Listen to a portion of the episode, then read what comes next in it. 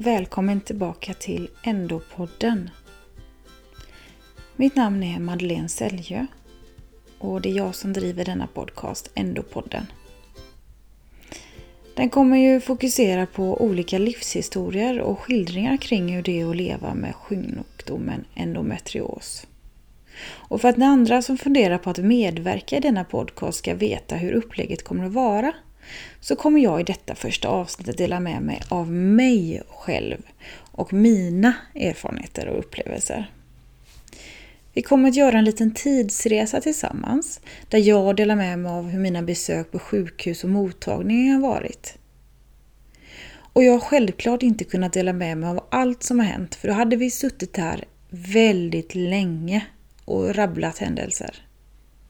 Så istället så har jag valt ut några som ni ska få en chans att förstå hur det är och hur det har varit genom min resa. Så urval ur min tidslinje från start kommer att varvas med ett besök och en intervju hos en av mina närmsta vänner, Elvira. Men vi startar detta avsnitt med en liten återberättelse om hur allting började för mig och mitt liv med endometrios.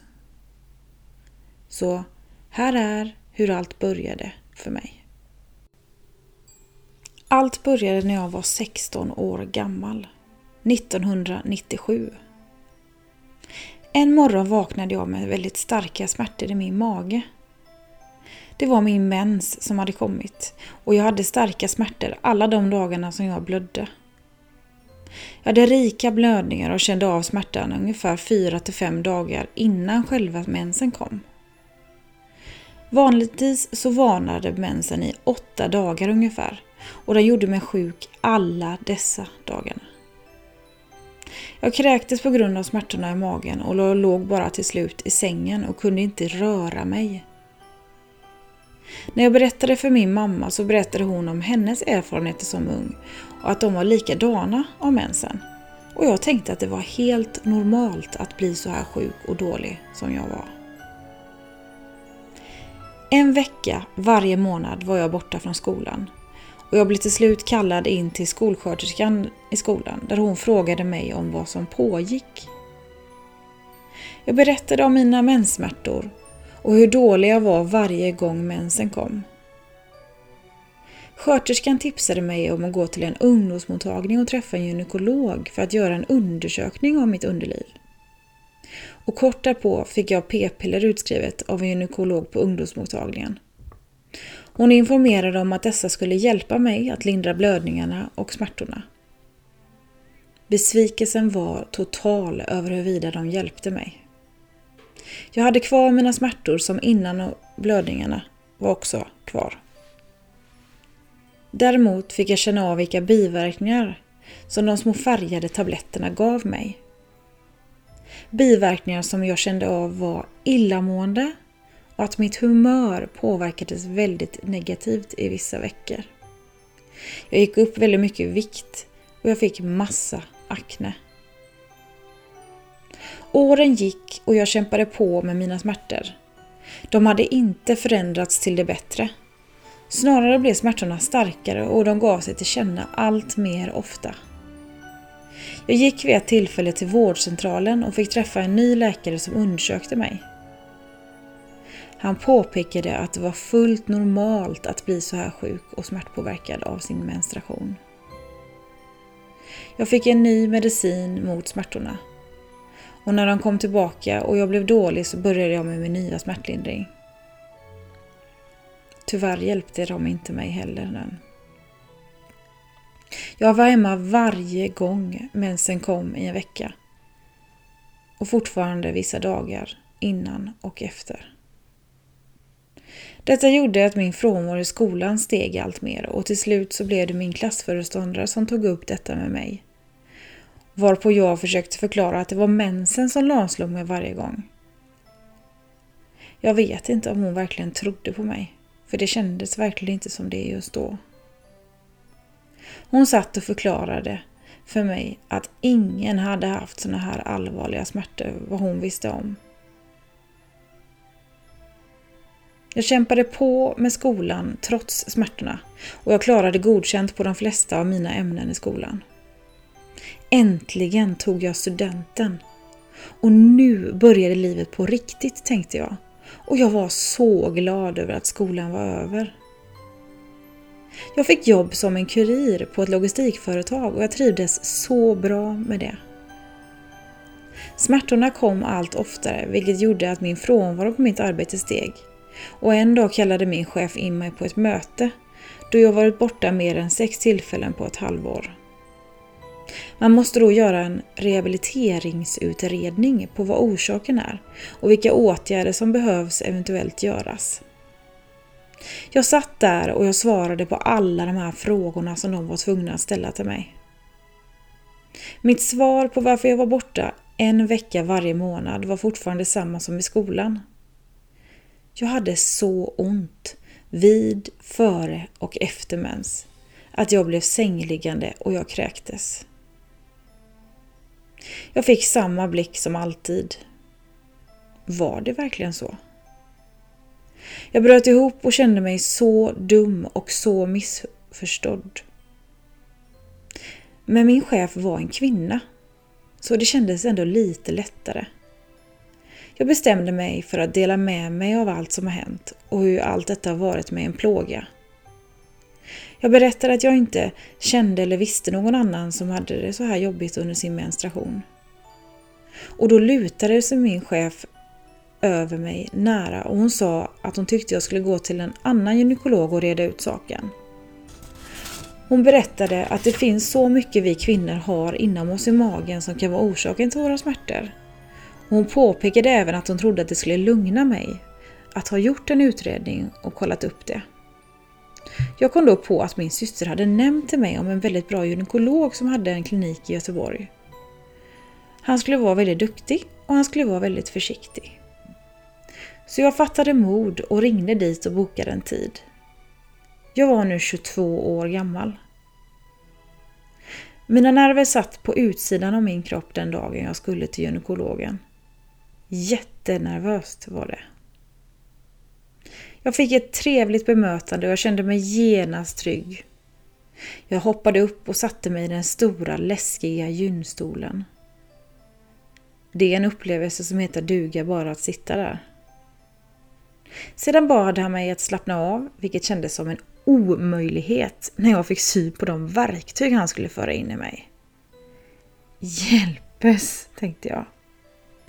Sedan började undersökningen och det gjorde ganska ont. Efter en minut så ser jag att han drar en suck och han säger till mig att han ser nu problemet som jag har och troligen orsaken bakom mina smärtor. Han säger att jag har sjukdomen endometrios. En vanlig sjukdom för kvinnor. Ja, han vrider på skärmen med ultraljudet till mig så att jag kan se på den och förklarar att han ser tecken på att jag har endometrios. Jag hade då cystor som han trodde berodde på sjukdomen. Bland annat en så kallad chokladcysta som består av en cysta som innehåller blod. Det är ett symptom på sjukdomen. Men sen självklart så hade jag ju mina kraftiga smärtor och mina blödningar. Jag berättade då hela min historia från början och gynekologen bara gungade på huvudet och sa att han tyckte att det var väldigt otursamt alltihop. Han berättade lite om hur lömsk och svårupptäckt den här sjukdomen kunde vara. Och jag satt där som en liten chock och hade svårt att ta till mig allt sammans. Sedan meddelade han att han skulle skicka remiss till Sahlgrenska sjukhuset i Göteborg där jag skulle få träffa en specialist på just min sjukdom som skulle, som skulle ta ett beslut om jag skulle förebygga och behandlas i framtiden. Denna dag var en dag som jag aldrig kommer att glömma. Det var början på min långa resa och jag var helt stum av alla tankar som for inom mig och funderingar som kom på besök i mitt inre. Vad skulle detta innebära för mig? Vad skulle de göra för att jag skulle bli frisk? Skulle jag äntligen kanske bli av med alla de här smärtorna? Skulle de bota mig nu? Så jag slapp ta all smärtlindring och alla hormoner och p-piller. Där kom en lång väntan i mitt liv. Jag var så himla ivrig med att få komma till den här specialisten på endometrios. Så inleddes min resa tillsammans med endometriosen. Och det är väldigt tur att jag har haft människor som har stöttat mig i mitt liv med den här sjukdomen. För det är tufft att vara anhörig, vän, bekant eller till någon som är sjuk och har endometrios. För ibland när man har planer tillsammans med någon så kan det bli så att man måste boka av dem för att smärtorna blir för intensiva. Då känner man sig som världens sämsta medmänniska och vän. För man vill ju kunna göra de saker som man har bestämt eller planerat att göra vissa dagar. Men då får man boka av och boka om sina planer. Det är då jag är så tacksam för att jag har vänner som förstår och som vet att jag inte väljer bort dem. För jag kan inte påverka min sjukdom eller mina smärtor. Jag är maktlös i det och det förstår mina vänner. Och att ha förstående medmänniskor i mitt liv har varit avgörande. För de vet hur jag är som person och att jag egentligen är en pigg, dampig väldigt tjej med massor av energi. Det är ju sjukdomen endometrios som stundtals tar allt det ifrån mig och gör att jag blir inkapslad i smärtornas värld. I en värld som man lätt kan känna sig liten, svag och väldigt ensam. Då är det viktigt att man påminner sig själv om de medmänniskor man har i sitt liv. De som faktiskt förstår. Här kommer en återberättelse från min första operation mot endometrios. Jag har nu alltså fått en diagnos och jag ska genomföra min första titthålsoperation.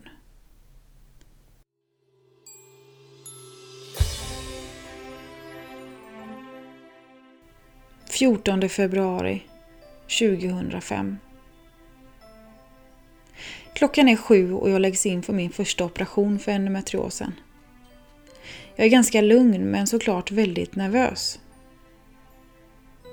När jag kommer in på avdelningen så kommer det en speciell lukt emot mig. Den lukten sätter sig väldigt snabbt på minnet och man förknippar väldigt mycket med den mycket senare. Jag ska opereras under förmiddagen och sköterskan sätter nålar och tar blodprover och värden. Jag känner en stor lättnad över att detta äntligen är dags för operation. Jag har länge väntat på att lösa den här gåtan och nu kanske den är löst. Smärtan ska förhoppningsvis försvinna för all framtid. Och klockan kvart i elva den förmiddagen opereras jag. Då bränner man bort endometrios från äggstockar och min livmoder. Man spolar mina äggledare och min vänstra sida är värst drabbad av sammanväxningar och cystor. Man finner endometrios på hela bukhinnan. Klockan 14 vaknar man upp från narkosen. Det snurrar fortfarande mycket när jag vaknar till liv. Då ligger jag på uppvaket och känner av starka smärtor från underlivet. Jag har så ont och det är så svårt att röra på mig. Jag skickas upp till avdelningen och när jag kommer upp så säger man att man vill skicka hem mig. Alla sköterskor anser att man behöver stanna för mer vård. Jag har svårt med smärtorna och jag ber om överseende men jag får inget gensvar. Läkarna tycker också att man ska åka hem. Man ska klara att gå hem samma dag som man opereras, enligt dem. Jag åker hem och kämpar på med verken. Där börjar den långa resan mot tillfrisknande. De första dagarna är värst då man känner av operationssmärtorna. Och jag ligger som en säl och klarar inte av att röra på mig i sängen. Jag hade ju inget att förvänta mig eftersom det här var min första operation. Och när jag dagen efter ska upp på benen för första gången så verkar det loss i axlar och bröst. Det känns som ett litet tryck över bröstet som gör att det blir lite svårare att andas. Och jag får lite panik och ringer upp till avdelningen. Sköterskan som svarar frågar vilken siffra mellan 1 och 10 som jag ligger på smärtmässigt. Mitt svar är 11. Hon stämmer av med mig att jag tagit den smärtlindring som jag fick med mig hem. Panodil och diklofenak. Ja, säger jag och bekräftar att jag tagit detta och beskriver att smärtorna gör väldigt ont och det trycker mycket över bröst och axlar. Hon berättar då för mig hur operationen går till. Att man ibland lutar kroppen med huvudet neråt. Då åker organ som ligger bredvid livmodern ner och ligger då inte i vägen för läkaren som ska opereras. Man blåser upp magen med en slags gas som vidgar den så man lättare kommer åt allting. Efter att operationen är färdig så suger man ut all gas igen men lyckas inte få ut allt utan vilket gör att när man tippas upp normalt igen till sängläge så vandrar den här gasen uppåt och lägger sig i gasfickor i axlar och bröst. Och man känner då, igen, känner då av detta genom en slags verk och ett tryck över bröstet. Sköterskan berättar sen att det enda sättet att bli av med den här gasen och göra att kroppen gör sig av med den på sitt eget sätt, det är att röra på sig. Så så fort jag känner att smärtan börjar lätta pyttelite så försöker jag komma upp igen. Men det snurrar och det verkar. Jag sitter där som en ostbåge med ryggen. Ställer mig sakta upp bredvid sängen och kan inte stå rakryggad då det spänner och drar i mina operationssår som man har sytt ihop. Smärtan ger mig ingen ro. Den är väldigt envis och jag får ingen ro att sova eller slappna av. Jag känner mig väldigt ensam. Kommer det vara så här resten av mitt liv nu med smärtorna? Där och då var första operationen gjord. Och det hände väldigt många operationer efter den operationen. Men det var bara en liten inblick så ni skulle förstå lite hur det funkar och upplevs när man opereras för endometrios. Nu är det dags att åka hem till min kompis Elvira. En av de närmsta vännerna jag har är ju hon, Elvira. Och nu tycker jag att vi tar oss hem till henne och lyssnar på vårt samtal som vi hade om endometrios och mitt liv med endometriosen. Jag körde hem till henne och vi satte oss ute i trädgården med solens sken och bara samtalade om allt kring mig och vad jag tycker är viktigt att ta med i den här podcasten. Det blev ett samtal kring många av de minnen och ämnen och sidoämnen som tillhör endometrios. Och här kommer den. Hej så länge!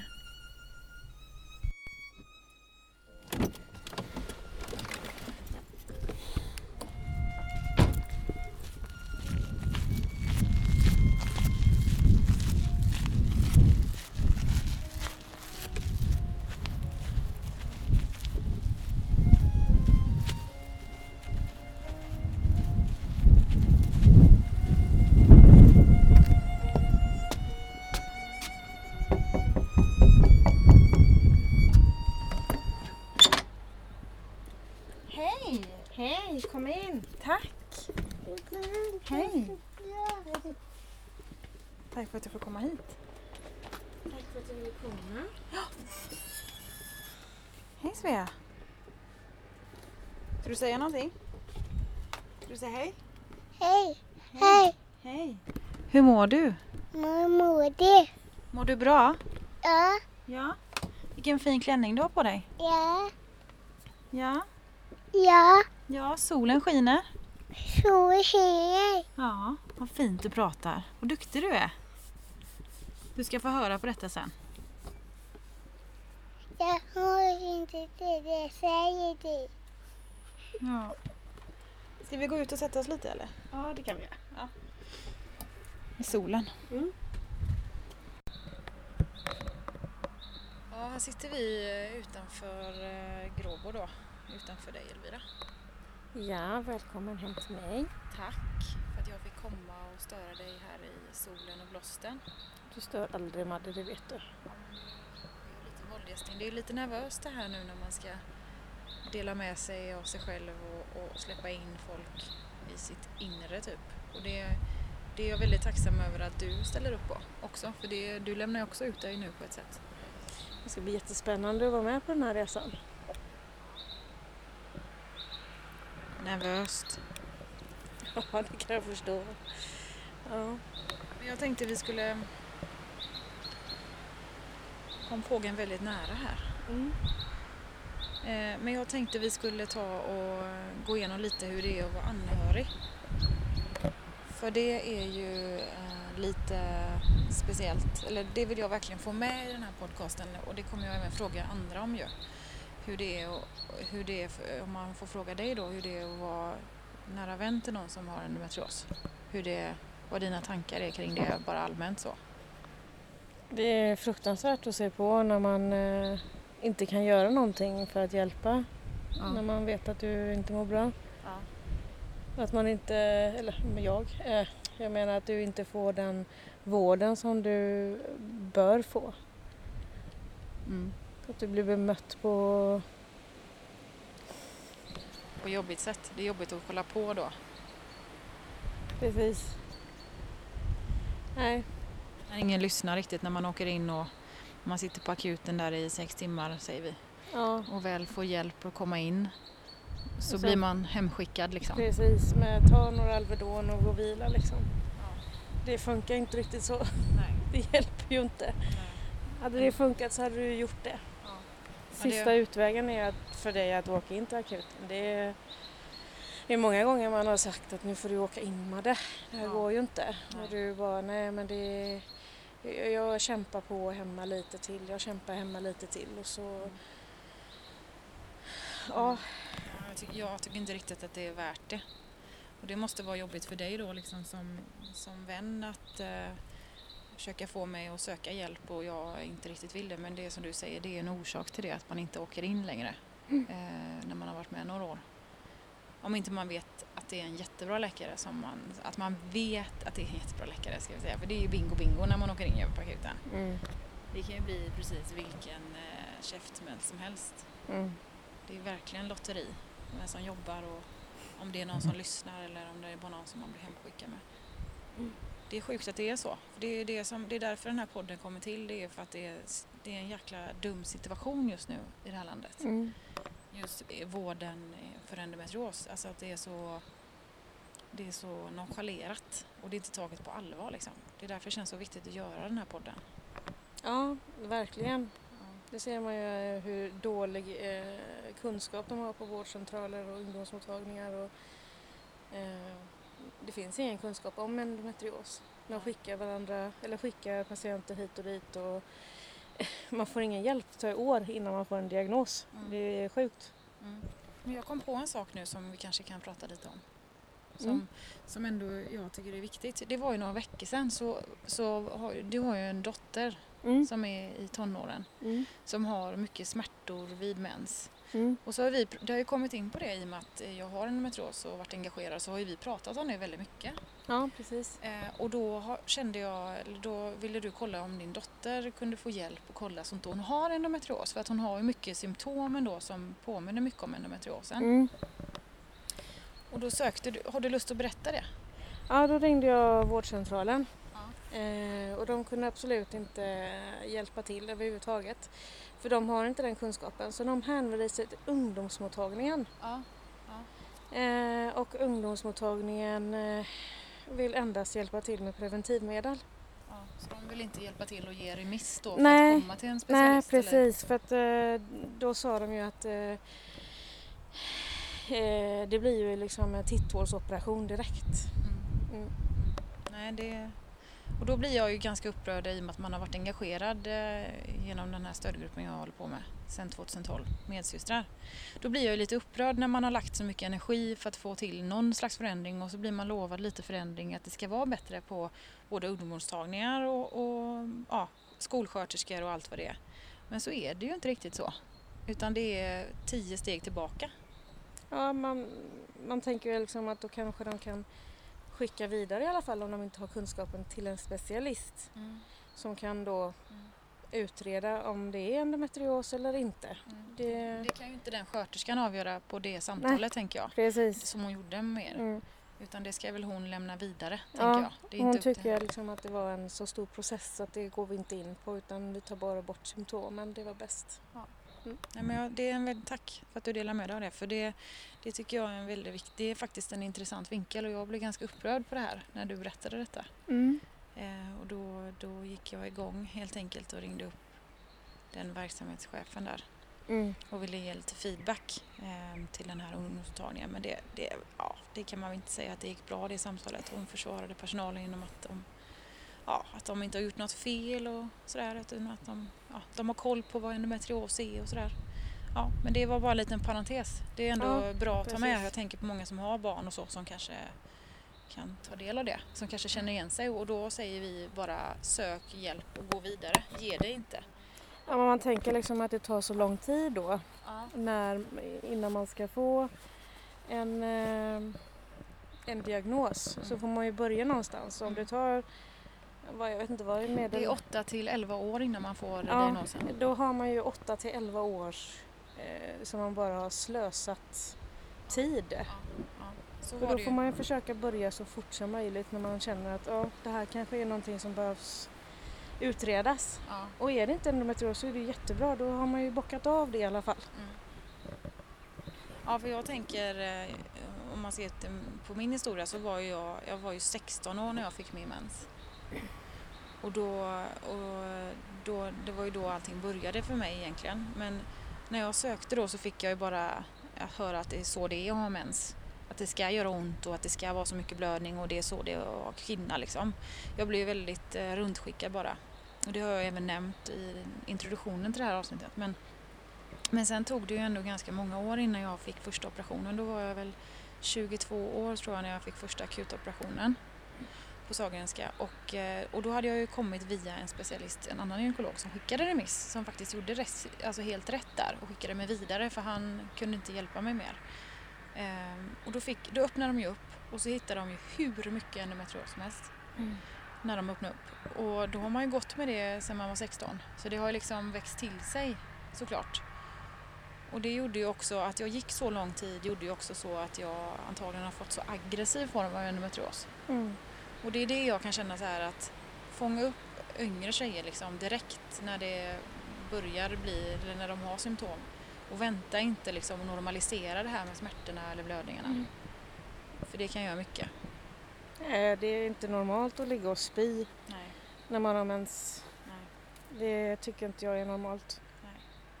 Nej, det är inte så det ska vara. Men jag är ändå väldigt, jag är väldigt tacksam också att jag åkte in då akut till slut. För jag fick kontakt med en väldigt bra läkare som eh, tog mig under sina vingar kan man väl säga i alla år. Ehm, och gjorde, gjorde så mycket för mig. Mm. Alltså, och, det, och det känner jag, det är nog en väldigt positiv sak i den här sjukdomen att i mitt liv. Att jag, jag är väldigt tacksam för att jag har fått eh, väldigt, väldigt bra hjälp också. Även om det varit många, många dåliga bemötanden och dåliga situationer så har det varit otroligt många bra människor också och det vill jag verkligen belysa. Mm. Och den här läkaren eh, jobbar ju inte längre. Han gick ju i pension. Men eh, in, under de åren som vi jobbade tillsammans, eh, då jag var patient och han var min doktor, så höll vi på ja, 13 år och sån här. Eh, vi gjorde ju väldigt många operationer, men han var ju så kunnig och duktig och låg ju steget före. Eh, och i- samband med att jag skulle göra den här podcasten så mejlade jag honom eh, och sa detta att jag skulle starta den här eh, podcasten om endometrios och ville bara informera honom typ om det och sådär. Och, eh, han jobbar ju inte som sagt inte längre, han har ju gått i pension. Eh, men då frågade jag honom faktiskt eh, lite hur, hur, eh, hur jag är opererad. För att det är ju så många operationer så man har ju inte riktigt koll Mm. på, på alla olika former. Det har varit eh, tarmar och det har varit eh, ja, det har varit några gånger vi har tagit bort delar av tarmen ju. Eh, och även äggstocken, vänster äggstock, så jag har bara en äggstock kvar. Men då, då fick jag ändå reda på att han har ändå gjort de här lite djupare operationerna. Eh, jag trodde ju bara att jag hade gjort de här vanliga som Mm. man gör i Sverige. Mm. Men han har även tagit bort mer av bukhinnan liksom. Så, så, så det har ju, tror jag, i mitt fall har gjort att jag har blivit mycket bättre av operationerna. Mm. Att det har hjälpt mig väldigt mycket om man jämför med många andra där man kanske duttar lite, man kanske inte tar så mycket utan man, Mm. man är inne och duttar lite och man är rädd att skapa ärrvävnad och så.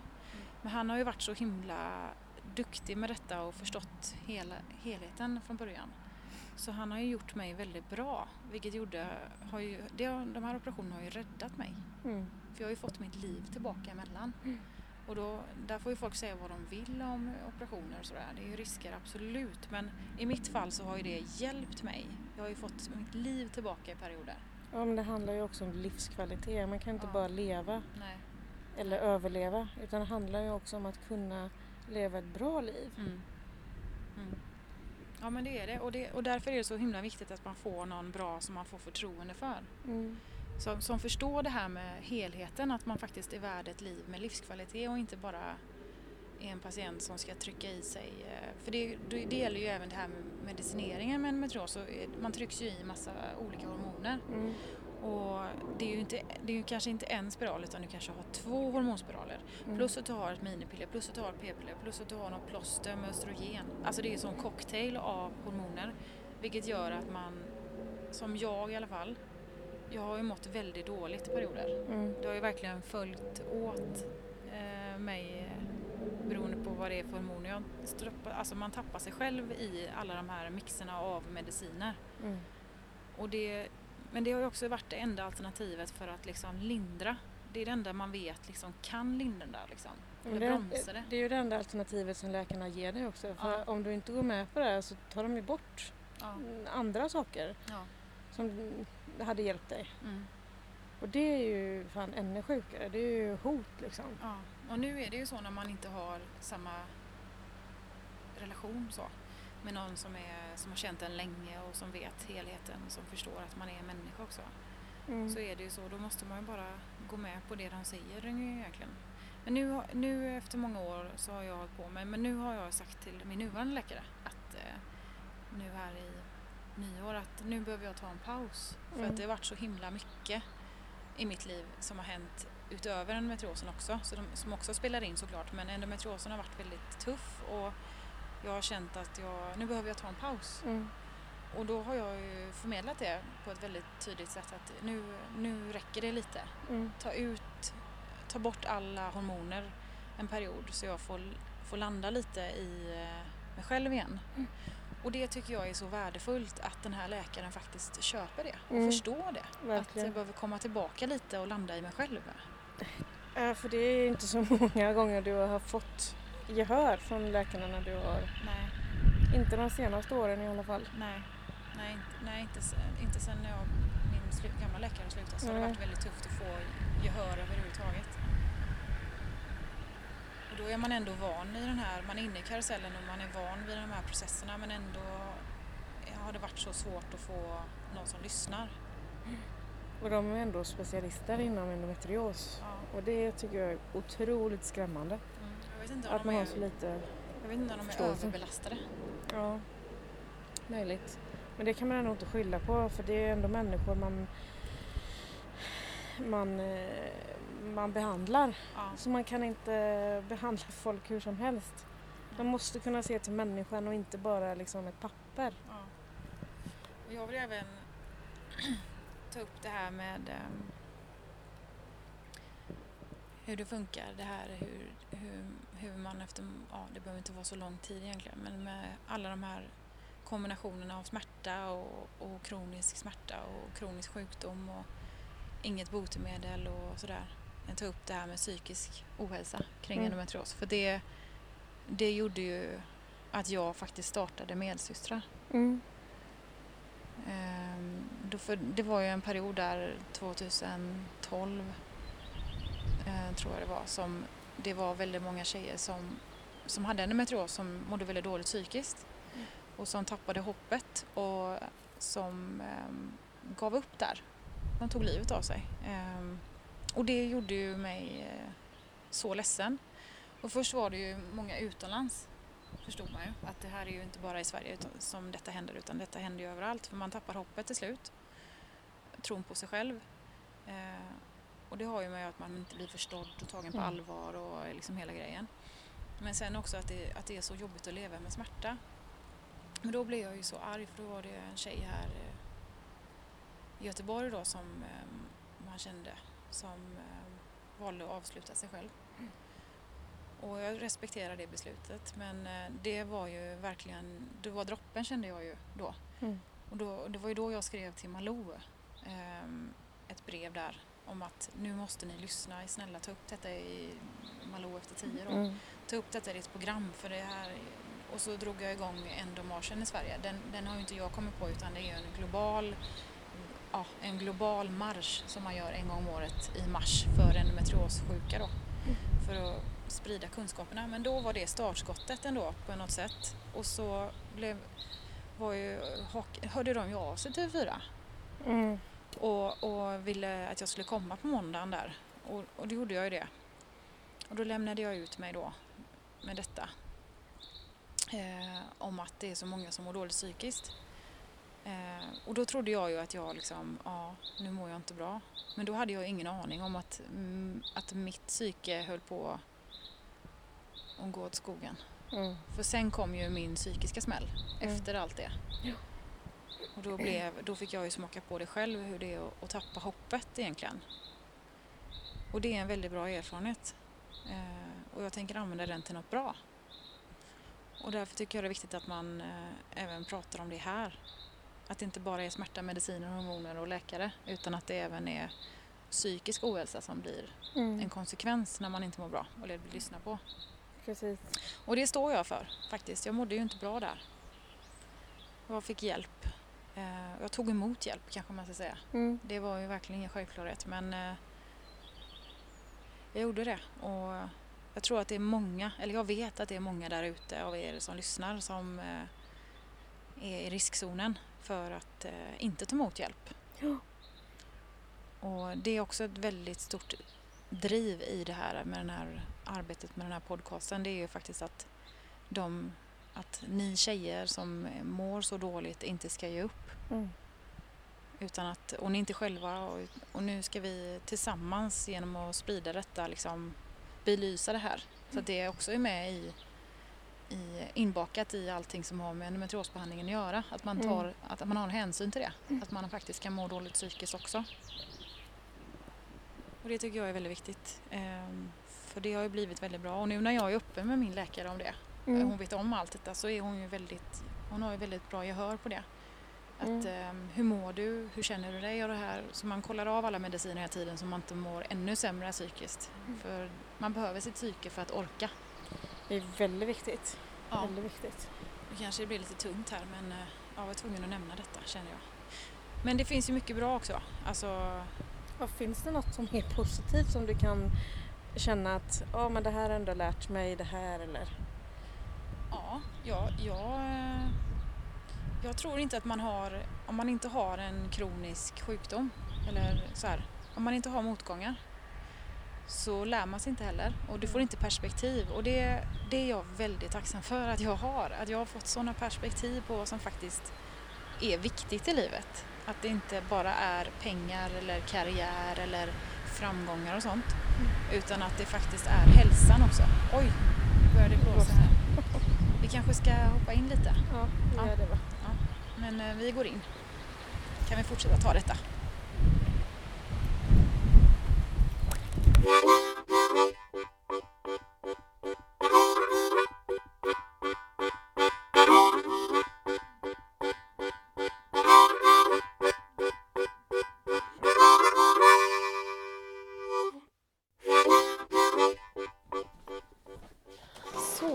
Nej men jag, vi satt ju och pratade lite om detta med ehm, vad som är positivt med den här soppan med Mm. Eh, för det tycker jag också är viktigt. Det kan bli så tungt och det kan bli så allvarligt och mörkt och sådär. Deppigt. Men då tänkte jag så här, det som är väldigt bra med det här. Vad var det nu då? Att du ser det positiva, Ja, precis. Att jag ser vad som är viktigt. Precis. Det är ju någonting som jag är, tycker är väldigt, väldigt bra. Det är att man får perspektiv. För hade man inte haft den här, eh, eller jag kan tänka mig många som har kroniska sjukdomar eller smärtsjukdomar och, och ja, just när det blir att man får genomgå mycket prövningar. Så får, får man ju perspektiv och insikt. Och det är jag väldigt, väldigt glad över för det, det har jag ju inte fått annars. Eh, den, ja, den insikten om vad som faktiskt är viktigt. Att det inte är det här med karriär eller att man ska ha mycket pengar eller eh, status och sånt. Utan att det faktiskt är hälsan och de små vanliga sakerna i livet som, som inte kostar någonting som är det som faktiskt är värdefullt. Så där kan jag känna mig väldigt, väldigt tacksam eh, av allt detta. Av alla prövningar som endometriosen har gett så har ju det varit eh, har det ju lärt mig mycket också. Mm. Så det väljer jag, det är så jag tror jag hanterar sjukdomen, att jag väljer att använda det på ett positivt sätt. Ja, det finns nog ingen som jag känner som är så positiv som du är, trots din sjukdom. Det tror jag ju inte att jag är alltså. Fast det är du. Sjukt. Ja, kanske man är. Alltid glad. Fast ibland gör jag inte Men ja, jag försöker, jag försöker verkligen för jag tror att det är avgörande. Att man försöker hålla sig så positiv som möjligt för att kunna orka med det. Din inställning just, att du är ja. positiv. Du är... Ja, det, jag är väldigt tacksam att jag har dig som vän. Det kanske är det. Mm. Vad roligt. Vad roligt att höra. Tack så jättemycket för att du säger det. För det tror man inte själv, men jag vet bara att jag tänker liksom så att jag försöker vara se det ljusa i allting. Även om, sen får, måste man få vara ledsen och arg och såklart och reagera på saker och ting när det inte är rättvist. Men helheten så väljer jag att, fokusera på det, att det faktiskt ger mig någonting också. Mm. Och det tror jag är väldigt värdefullt alltså. Ja. Ja, nej men... Eh, det får bli så.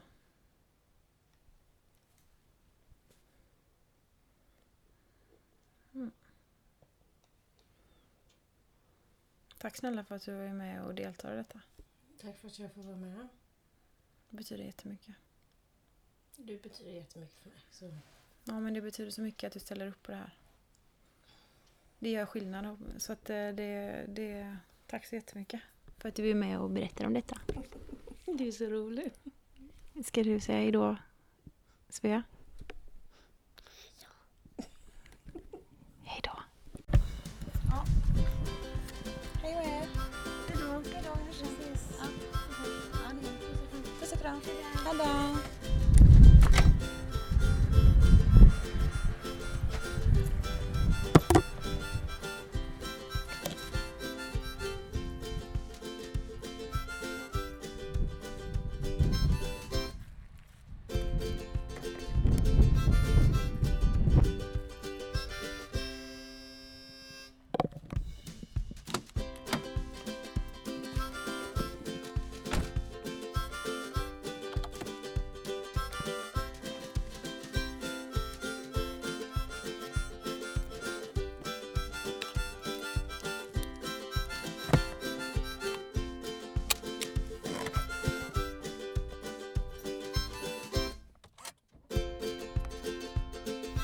Ja, då har vi kommit till slutet av det här första avsnittet där jag har medverkat själv eh, med min historia om endometriosen och hur allting började.